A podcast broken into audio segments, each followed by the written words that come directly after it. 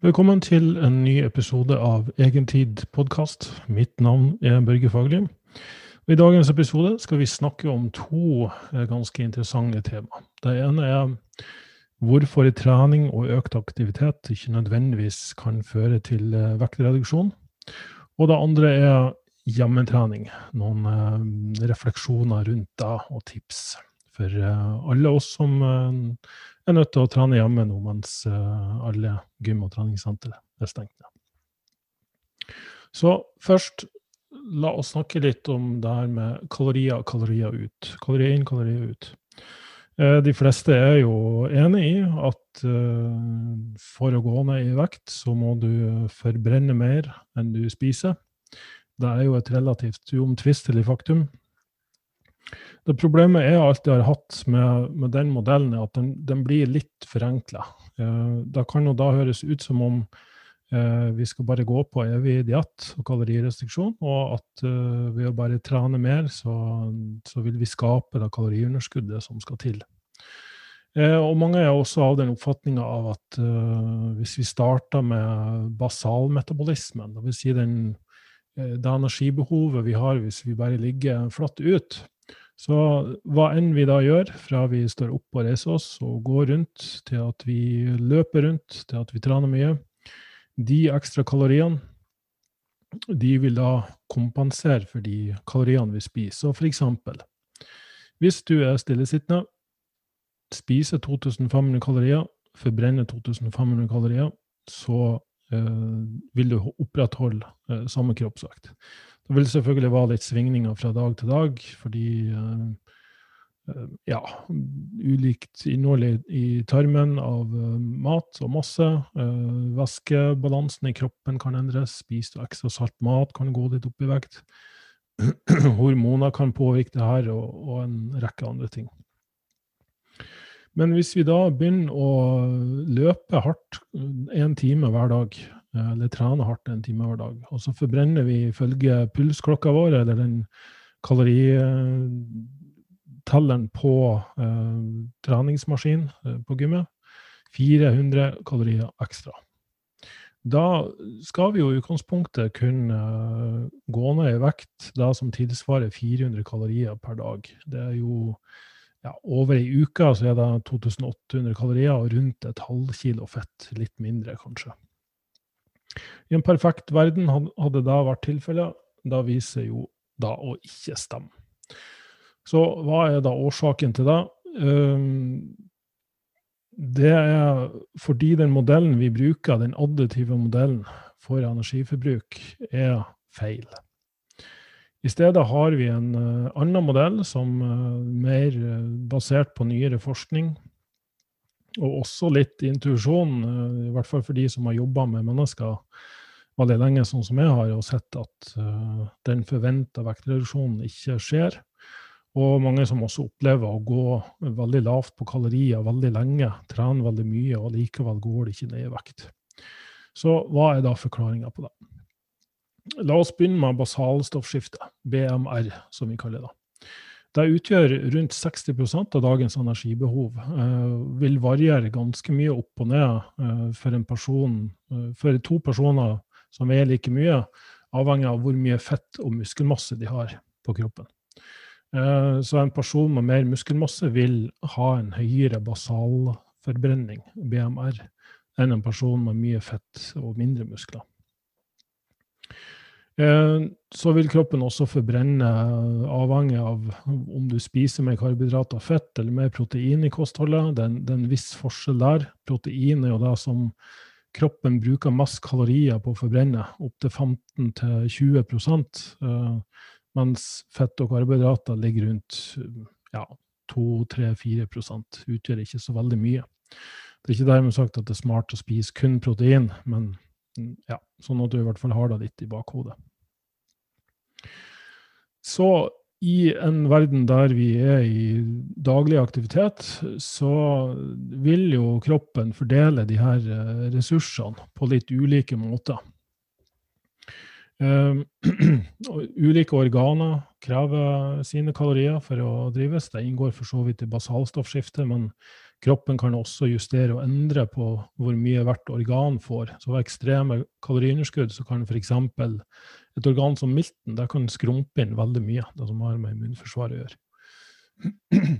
Hjernen utgjør kun 2% av kroppens uh, vekt, men krever opptil 20% opptil 30% faktisk, av uh, energibehovet hver dag. Så vi er den arten på jorda som har en mest energikrevende hjerne.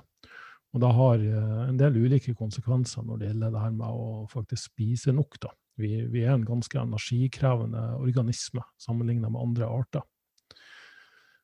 Så har vi et immunforsvar som, eh, hvis det må bekjempe infeksjoner, kan kreve opptil 200-400 kalorier ekstra. Det er vist i ulike studier. Eh, vi har kostnader ved vekst, dvs. Si hvis vi skal Altså det å legge på seg fett krever faktisk uh, opptil 9000 kalorier per kilo, ikke 7000 som mange har liksom teorisert med, eller nevnt eh, som en sånn regel. da. Eh, det krever litt mer fordi det er meta metabolsk kostnad ved det. Um, ikke at det er noe stor trøst, men det er i hvert fall greit å ha korrekte tall på det. Eh, muskelmasse krever faktisk bare 1800 kalorier per kilo for å, for å, for å øke. Um, nå skal det sies at det er en litt mer langsom prosess, og de kaloriene kan gjerne fordeles over litt lengre tid. men du kan jo tenke deg sjøl hvis du legger på deg to kilo muskelmasse over et helt år, så er det faktisk bare snakk om 3600 kalorier totalt i overskudd over hele det året. Så det er ikke mange ekstra kalorier per dag det er snakk om. Og det vil ikke da hjelpe å bare spise 50 kalorier ekstra per dag og forvente at alt skal bli til muskelmasse, men vi bør jo i hvert fall trene for å sikre at um, kroppen prioriterer muskelbygging. Du må gi kroppen eh, et signal om at det er behov for å øke muskelmassen, og det gjør du med, med trening. Eh, så har vi litt uh, andre ting. Reproduksjon. Svangerskap krever f.eks. 80 000 kalorier gjennom et helt svangerskap. Det utgjør rundt 280-300 kalorier per dag. Amming, da vet sikkert veldig mange av dere mødre der ute, det krever ganske mye ekstra kalorier. Dvs. Si hvis du ikke spiser mer når du ammer, og gitt at du kanskje ikke har veldig mye lagra kalorier på kroppen eventuelt. Mange spiser jo litt opp i vekt gjennom svangerskap, noe som kan på mange måter være veldig sunt. Um, Amming krever opptil 500 kalorier ekstra per dag, så, så mange opplever hvis de spiser ca. det samme så begynner de å gå ned i vekt gjennom den perioden de, de ammer, faktisk. Eh, og der kan òg variere veldig mye. Eh, liksom den, den, daglige variasjonen i kalorier kan variere ganske mye fra person til person, og også for en og samme person gjennom et år, gjennom ti år. Altså når de eldes, så kan også der energibehovet endres en del. Så vi har altså ulike eh, avdelinger i kroppen, for å si det på den måten, um, som um, krever energi, krever kalorier. Og så har vi da en, kall en daglig leder som sitter og styrer denne bedriften. For de av dere som er kunder hos meg, så har dere har allerede hørt denne metaforen. Så dere kan spole forbi den hvis dere er lei av den. Og, og, den daglige lederen den forvalter da de innkomne ressursene på en mest mulig hensiktsmessig måte. Og da gjøres ut fra eh, Arv og genetikk kan bestemme veldig mye. Eh, hva du har gjort før med kroppen, kan bestemme veldig mye. Eh, si hvorvidt du har gått veldig mye på diett før, eller hvorvidt du har spist veldig mye før. Eh, vis at det er infeksjoner på gang, som sagt. Eh, vis at du er i en intensiv, stressende periode, så kan det påvirke ting. Og du kan si alle de innkommende ressursene som ikke skal forvaltes mellom de ulike avdelingene i kroppen, dvs. Si for energiproduksjon, bevegelse, immunforsvar, uh, ulike organer, de kan da lagres på konto. Uh, og den kontoen er fettreserver. Og hvis at kroppen har uh, ekstra behov for energi, så, så, kan den på kort sikt ta ut av den kontoen. Men det vil uh, også være en grense for hvor mye du kan ta ut av kontoen, og hvor fort du kan ta ut av kontoen før den daglige lederen går litt i kriseberedskap og, og begynner å kanskje stenge mange av de ulike avdelingene for å konservere energi. Og da er nettopp det vi ser. Eh, matematikken stemmer rett og slett ikke. En studie som demonstrerte det veldig bra, stillesittende kvinner eh, ble satt på et program der de skulle trene seg opp til en halvmaraton. Og de gikk fra å Unnskyld meg, håper det ikke er korona. Eh, de gikk da fra å som sagt være helt stillesittende til å trene først 20 minutter. Det var fire dager i uka, noen opp til hver dag. Eh, og til slutt, eh, etter mange uker, eh, etter ca. 40 uker, så, så, var de oppe på én time fire dager i uka.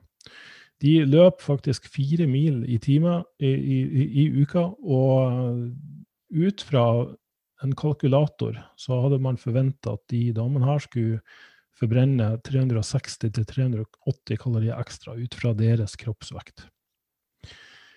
Da viste det imidlertid ikke å stemme. De målte de her i huet og ræva. Eh, la oss håpe at de målte det i huet og ikke ræva. Eh, så forbrente de 120 kalorier ekstra.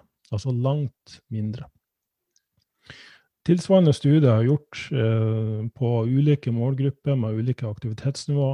Og det koker faktisk ned til at ved en viss kroppsstørrelse så er kroppen utrolig flink til å begrense hvor mye kalorier den forbrenner. Og Det kalles faktisk den begrensa kalorimodellen. Eh, man har til og med studert, og der var jeg mye i media for en tid tilbake, at um, Hadza, som er en jeger-sankerstamme i Afrika eh, med et veldig høyt aktivitetsnivå, de går mellom 10 000 og 15 000 skritt per dag. Og, sant, fordi uh, de jakter byttedyr, og de uh, sanker rot, rotgrønnsaker og eh, finne honning oppi trær osv. Generelt sett bruker veldig mye ressurser hver dag på å sanke inn mat. De hadde tilsvarende energiforbruk som en amerikaner, eh, som veide like mye. da. Uh, og det her var jo helt sjokkerende, fordi det var såpass det var opptil tidobbel forskjell i energiforbruk eh, daglige skritt, hvor intensivt og hvor mye man, man var i aktivitet. Eh, og det her hadde jeg sett på ulike populasjoner, eh, både i Asia, i Afrika, i Europa, eh, i ulike land. Det, det, ser ut til å gjelde på tvers av kulturer eh, at det er først og fremst kroppsstørrelsen som bestemmer hvor mye energi en kropp trenger for å vedlikeholde viss kroppsvekt. Eh, det er også gjort studier der folk forbrenner mange tusen kalorier ekstra per uke eh, for å eh, Ja, enten om det er å komme i form eller for å gå ned i vekt. Og, og statistikken viser da at vektreduksjon er rimelig elendig. Så var det jo mange som tok denne tolkninga og så løpte av gårde med den og gikk ut og skrek og ropte at uh, trening virker ikke for vektreduksjon, så du kan like gjerne sitte på ræva. Og det var selvfølgelig ikke det som var takeawayen her. Du bør for all del trene og være i daglig aktivitet. For sånn er det det fungerer. Grunnen til at dette skjer, er at uh, tilbake til den metaforen med den daglige lederen som sitter og dømmer og vurderer hvor mye trusler som, som, er rundt, og om det er tilgang på ressurser.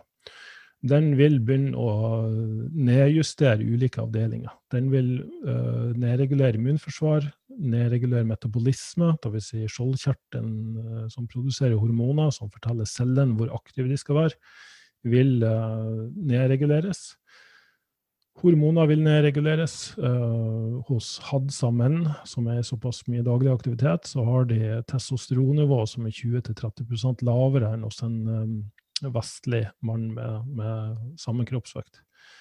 Um, ja, og ulike prosesser i kroppen kan da nedreguleres for å kompensere. Rett og slett fordi Kroppen er, en evolusjonært utvikla overlevelsesmekanisme som, som, ønsker å være i live og også reprodusere. Hjernen er faktisk den som har aller høyest prioritet, og det gir mening siden hjernen er den daglige lederen. Så den vil sørge for at den har nok kalorier sjøl for å forvalte de ja, inn- og utgående ressursene på best mulig måte. Eh, så, så, hva kan vi da egentlig gjøre her? Eh, og det her er jo noe som jeg har sett gjennom min 20 pluss-årige karriere som coach og veileder, at du kan faktisk ikke bare gå på hardere og hardere kaloriunderskudd. du kan ikke bare trene mer og mer, kjøre mer og mer cardio, gå mer og mer, trene mer og mer, og så forvente at du, du skal ha en, en lineær reduksjon i i fettmasse og vekt. Um, så for, for, å liksom gå litt sånn praktisk til verks her uh, Når vi har den forståelsen av uh, hjernen som en sånn uh, daglig leder som forvalter de her ressursene, så er det viktig å passe på at ikke den går i krisetilstand, dvs. Si at den oppfatter at kaloriunderskuddet er for stort. Så um, en måte å gjøre det på er å gradvis øke energiuttaket, dvs. Si treningsmengden, fordi det tar litt tid før den kompenserer. Eh, men du må alltid regne med at ved et visst energiforbruk, så vil kroppen også eh, nedjustere de, de ulike avdelingene av kroppen hvis det er en stor ubalanse mellom inntak og uttak. For å ha best mulig forbrenning, så kan vi faktisk argumentere for at du bør ha høyest mulig energiinntak. Og da viser jo Stam at folk som er veldig overvektige, i motsetning til hva man skulle tro, så har de faktisk en ganske høy forbrenning. Eh, mange sier jo at ja, de har en veldig lav forbrenning, og det er derfor at de ikke går ned i vekt. Da viser jo da ikke å stemme. Det er selvfølgelig noen som Og her kommer det her med inaktivitet inn. Hvis du ikke er i aktivitet, så vil kroppen sende ressurser til eh, immunforsvar og prosesser i kroppen som kan skape inflammasjon. Det vil rett og slett si at siden vi er en organisme som er eh, designa for å være i aktivitet, vi er designa for å være eh, der ute og jakte og sanke inn den næringa vi skal spise. Når vi da blir stillesittende, så, så, så er det rett og slett en sånn evolusjonær mismatch eh, som gjør at kroppen begynner å forvalte de ressursene på feil måte. Eh, siden den ikke kan sende mer energi til, eh, til, muskler og bevegelse, rett og slett fordi du ikke har noe behov der, så kan det faktisk gå for mye til immunforsvar. Det kan oppstå allergi og intoleranse av en sånn mismatch. Det kan faktisk i verste fall oppstå autoimmune tilstander der et overreaktivt immunforsvar begynner å angripe kroppens egne celler er det vist.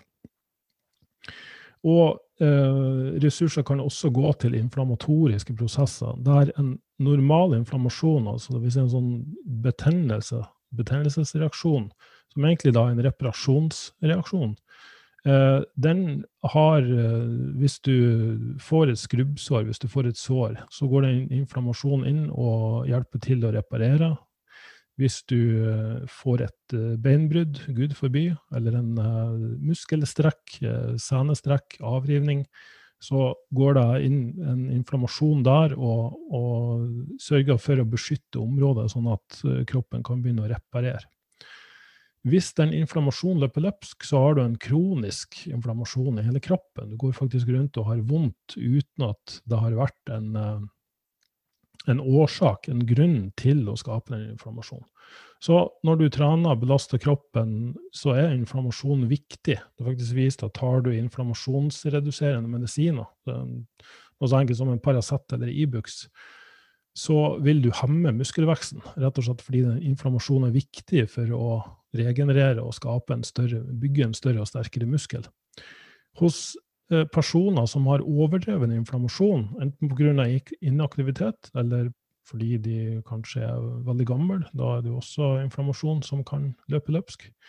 Eh, da får de bedre muskelvekst ved å ta Ibux og Paracet, fordi da får du inflammasjon mer ned til et passe nivå. Eh, så, så alt i kroppen handler om å ha et passe nivå av ting, ikke for mye og ikke for lite.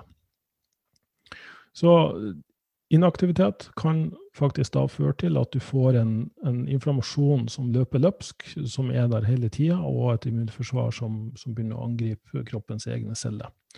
Så Derfor er daglig aktivitet så viktig som det er, da, for å holde de her prosessene under kontroll. Eh, inaktivitet kan også gjøre at uh, det kan virke positivt at du har en veldig høy forbrenning, for all del. Uh, men igjen, hvis ressursene da forvaltes feil, så, så er ikke det nødvendigvis gunstig.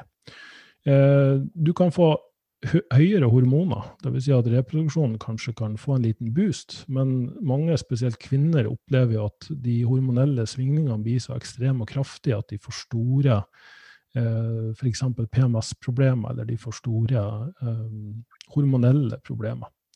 Eh, og kan ty til alt fra hormonpreparater til ja, et prevensjonsmiddel, f.eks. er jo et hormonpreparat som da gir kroppen en fast dose med østrogen og progesteron. Og mange opplever da at de føler seg bedre på det. Eh, og det er ikke dermed sagt at det er kun folk med inaktivitet som får autoimmune sykdommer eller hormonelle problemer. På ingen måte. Eh, det handler nok mer om at den hjernen da har forvalta ressursene litt feil. Og, og, da skal jeg ikke begynne å spekulere her nå hva som er årsaken til at uh, det skjer sjøl hos mennesker som er i aktivitet. Men det her er nå snakker vi kun om denne modellen, for å få en forståelse av hvorfor du ikke alltid bare kan spise mindre og trene mer for å gå ned i vekt. Så ved et visst energiuttak, ved et moderat uh, energiuttak, uh, vil kroppen da bli bedre på å forvalte her ressursene. Uh, og da er vi kanskje tilbake på at ok, kalorirestriksjon er det som fungerer. Da ser det heller ikke ut til å fungere så veldig bra.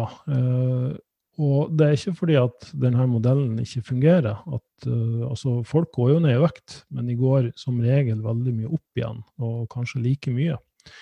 Og da er fordi den daglige lederen her igjen, uh, hvis den opplever det her som en trussel, at det er kronisk underskudd på næring spesielt, uh, det er jo mange signaler for, for matlyst, appetitt og matinntak. Det er både hvor mye magesekken strekker seg, det er hvor mye næring du får, det er hvor mye protein du får. Eh, så hvis, du, hvis denne kalorirestriksjonen medfører at du får for lite protein, for lite næring, og, og at alle de signalene rett og slett blir for svake Fettcellene Fettcellen sender ut et signal som heter leptin, så når det begynner å bli veldig lite fett på kroppen, eller en hurtig reduksjon av fett, så kan leptinproduksjonen gå ned. Uh, hvis du har for lavt blodsukker, sant? mange kjenner eh, effekten av det, at da blir du sulten. Så alle de her signalene tolkes og integreres av den daglige lederen. Eh, og hjernen vil da manipulere sult og metabolisme for å holde oss på en bestemt vekt. Så i dette tilfellet vi allerede snakka om metabolisme, at kroppen, hjernen går inn og Eh, justere ned alle de her avdelingene, inkludert metabolismen, for å konservere energi, for å sørge for at vi ikke går for fort ned i vekt eller for mye ned i vekt. Eh, så vil den oppregulere sult. Eh, den vil sannsynligvis også be deg om å holde mer i ro, selvfølgelig. At du, du er mer energiløs og svak og tappa for energi.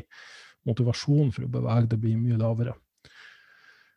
Og den sultfølelsen er jo da noe som hvis vi er bevisst på hvordan den sultmekanismen fungerer, noe vi faktisk kan, eh, kan gjøre noe med.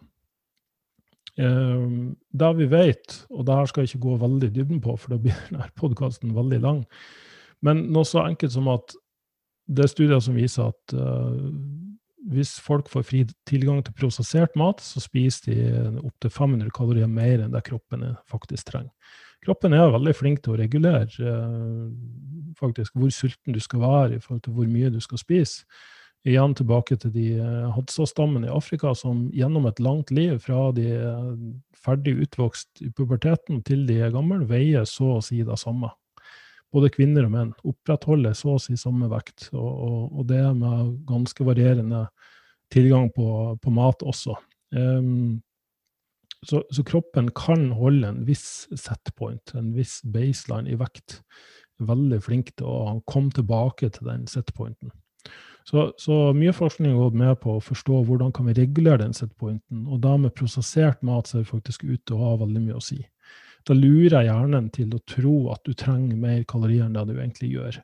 Eh, blodsukkerregulering har også mye å si. Store blodsukkersvingninger eh, med dårlig insulinfølsomhet. Eh, over- og underproduksjon av insulin. At, at, det er en ubalanse der kan, kan føre til at du spiser mer variasjon i smaker. Dette er jo noe som til og med jeg sjøl møter på veldig ofte. At du kan spise deg mett på, på, middag, og så er det alltid plass til dessert. Den såkalte buffé-effekten. Jo flere smaker du har i et måltid, jo mer kalorier kan du spise. Um, så det å faktisk ha litt mer ensformig mat, se på kroppsbyggere, uh, spiser kylling, ris og brokkoli i, til hvert måltid i, i, flere uker og måneder i strekk, de har på en måte skjønt det. Du skal ikke liksom gå inn på hvor, hvor bra det her er i, i, lengden næringsmessig. Men det gjør det mye enklere å følge den dietten. Jo mer smakfull du gjør maten, jo flere smaker du skal blande inn i ett og samme måltid og, og på en og samme dag, eh, jo dårligere er hjernen til å regulere appetitten. Dvs. Si du vil fortsette å spise eh, så lenge det er variasjon i smaken. Og så har vi en av de største faktorene, stress. Ja, Vanskelig å si om det er den største, men det kan i hvert fall gjøre at uh, hjernen forstyrres veldig. At du øker appetitten kun fordi du er veldig stressa. Dette tror jeg de aller fleste som hører på denne podkasten, kjenner seg veldig godt igjen i. Perioder de er veldig stressa. Det kan også være sant fordi hjernen er så prioritert på energi. En stressa hjerne forbrenner også mer energi. Men en stressa hjerne vil også ha et um, dysfunksjonelt uh, inntrykk av hvor mye energi den faktisk krever, så den vil overkompensere litt. Derfor er da stresshåndteringsstrategier så, så viktig for å uh, ja, sørge for at man ikke går rundt uh, og har mye mer lyst på mat enn det kroppen faktisk har behov for. Så det, jeg vil faktisk ikke gå så mye mer i dybden på akkurat da. Vi, vi kan selvfølgelig òg uh, rett og slett sørge for at vi har et nok protein, tilstrekkelig proteinrikt og næringsrikt kosthold, som nevnt.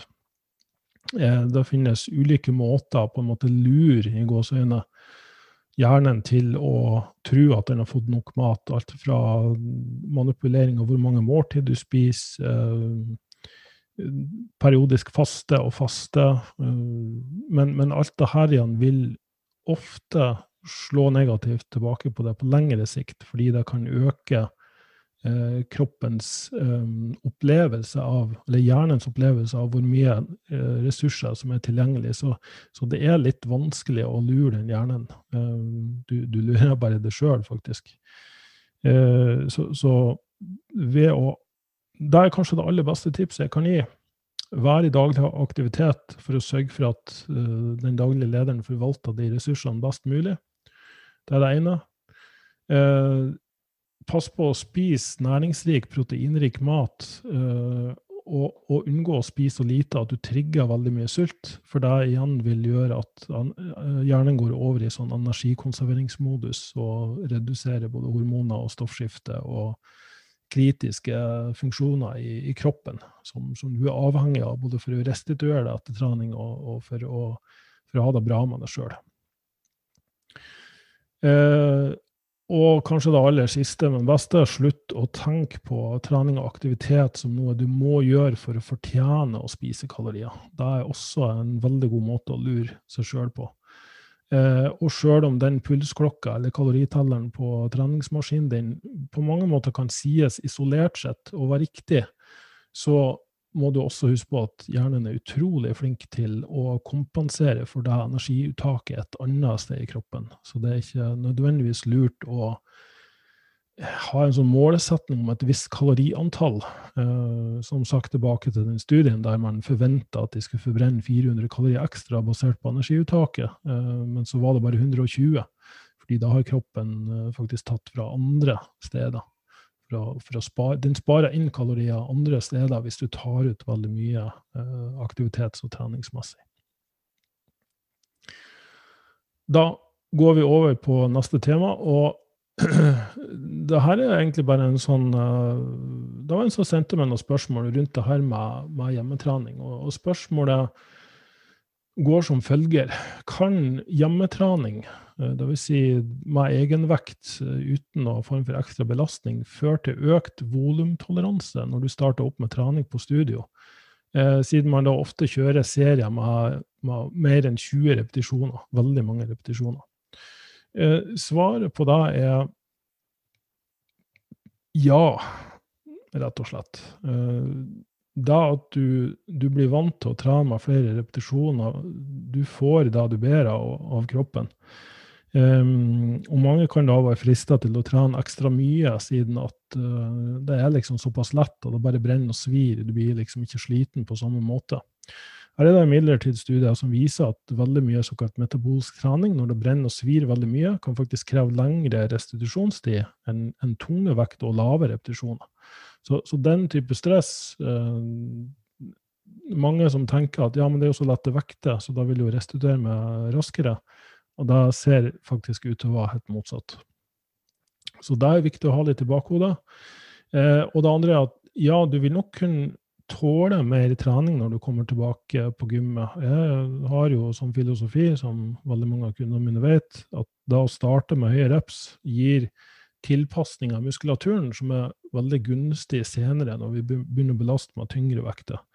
Eh, du får økt evne til å lagre glykogen i muskulaturen. Du får eh, økt blodtilførsel, oksygentilførsel. Du får en del kardiovaskulære tilpasninger, eh, altså rett og slett litt bedre kondisjon, fordi ja, du, du trener for, på en måte som gjør at du, pusten blir tyngre og hjertet slår raskere.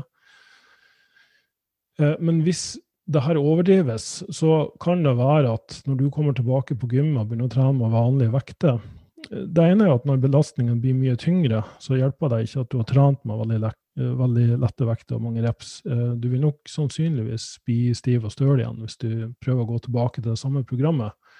Eh, rett og slett fordi det er en endring i hvordan du belaster kroppen. Så, så tenk på det her òg som ulike systemer som trenes. Så trener du det ene systemet veldig mye, og så går du over til et annet system. I dette tilfellet et som ikke har like mye metabolsk stress, men mer mekanisk. Dvs. Si at det er et sterkere drag i muskelen. Eh, kan, da, da, er på en måte da systemet litt ute av trening, eh, for, for, å si det i litt sånn metaforisk betydning. Eh, og, og, dermed vil det oppleves kanskje på mange måter som du ikke har trent så veldig mye, selv om du har trent med, med høye reps. Uh, og det her går også motsatt retning. Hvis du har trent med veldig tunge vekter og lave reps, og så begynner å trene med lette vekter og masse reps, så er det mange som kjenner, vet at de blir veldig stive og støle da. Eh, så, så, jeg vil nok kanskje ha tenkt litt sånn konservativt. Da. Det er fullt mulig å vedlikeholde og faktisk også bygge muskelmasse med uh, høye repetisjoner. Forskninga viser helt klart at vekter som du klarer fem reps med, og vekter du klarer 30 reps med, kan hos mange i mange tilfeller uh, bygge like mye muskelmasse. Så lenge du trener med like høy grad av innsats. Det vil si, Trener du 25 repetisjoner, så hadde du egentlig klart 50. Da, da gir det ikke så veldig mye muskelbygging, akkurat. Eh, men, men, at det er mulig å gjøre seg sjøl en bjørnetjeneste hvis du trener på timevis med de lette vektene og, og egenvektstrening. Eh, eh, ja, kun fordi du kjeder deg, eller fordi du føler at det må du gjøre for å, for å klare å vedlikeholde muskelmasse. For det første, det trenger du ikke. Det er ikke for å vedlikeholde trenger du mye mindre trening enn for å bygge. Og for det andre så kan det jo da faktisk medføre at det krever mer trening, altså flere sett eh, når du kommer tilbake på gymmet, for å eh, gi et signal om at du skal bygge det større og sterkere. Neste spørsmål er om jeg har noen tips for å vedlikeholde de nevrale tilpasningene med hjemmetrening. Og da tolker jeg spørsmålet sånn at um, Eh, de nevrale tilpasningene fra tung vekttrening. Dvs. Si, trener du mye benkpress og knebøy og markløft på gymmet, og så skal du eh, trene hjemme med liksom pushups og utfall kanskje, og ulike ja, lettvektsøvelser, egenvektsøvelser, eh, så er det litt vanskelig, fordi kroppen blir veldig god på å utføre en bestemt bevegelse. Teknikken, rett og slett. Så er du vant til å trene benkpress, og du begynner å trene veldig mye pushups, så vil nok benkpressstyrken din kunne reduseres en del hvis at du er blitt teknisk veldig dyktig på å løfte benkpress. kroppen er blitt veldig god på akkurat det motoriske mønsteret.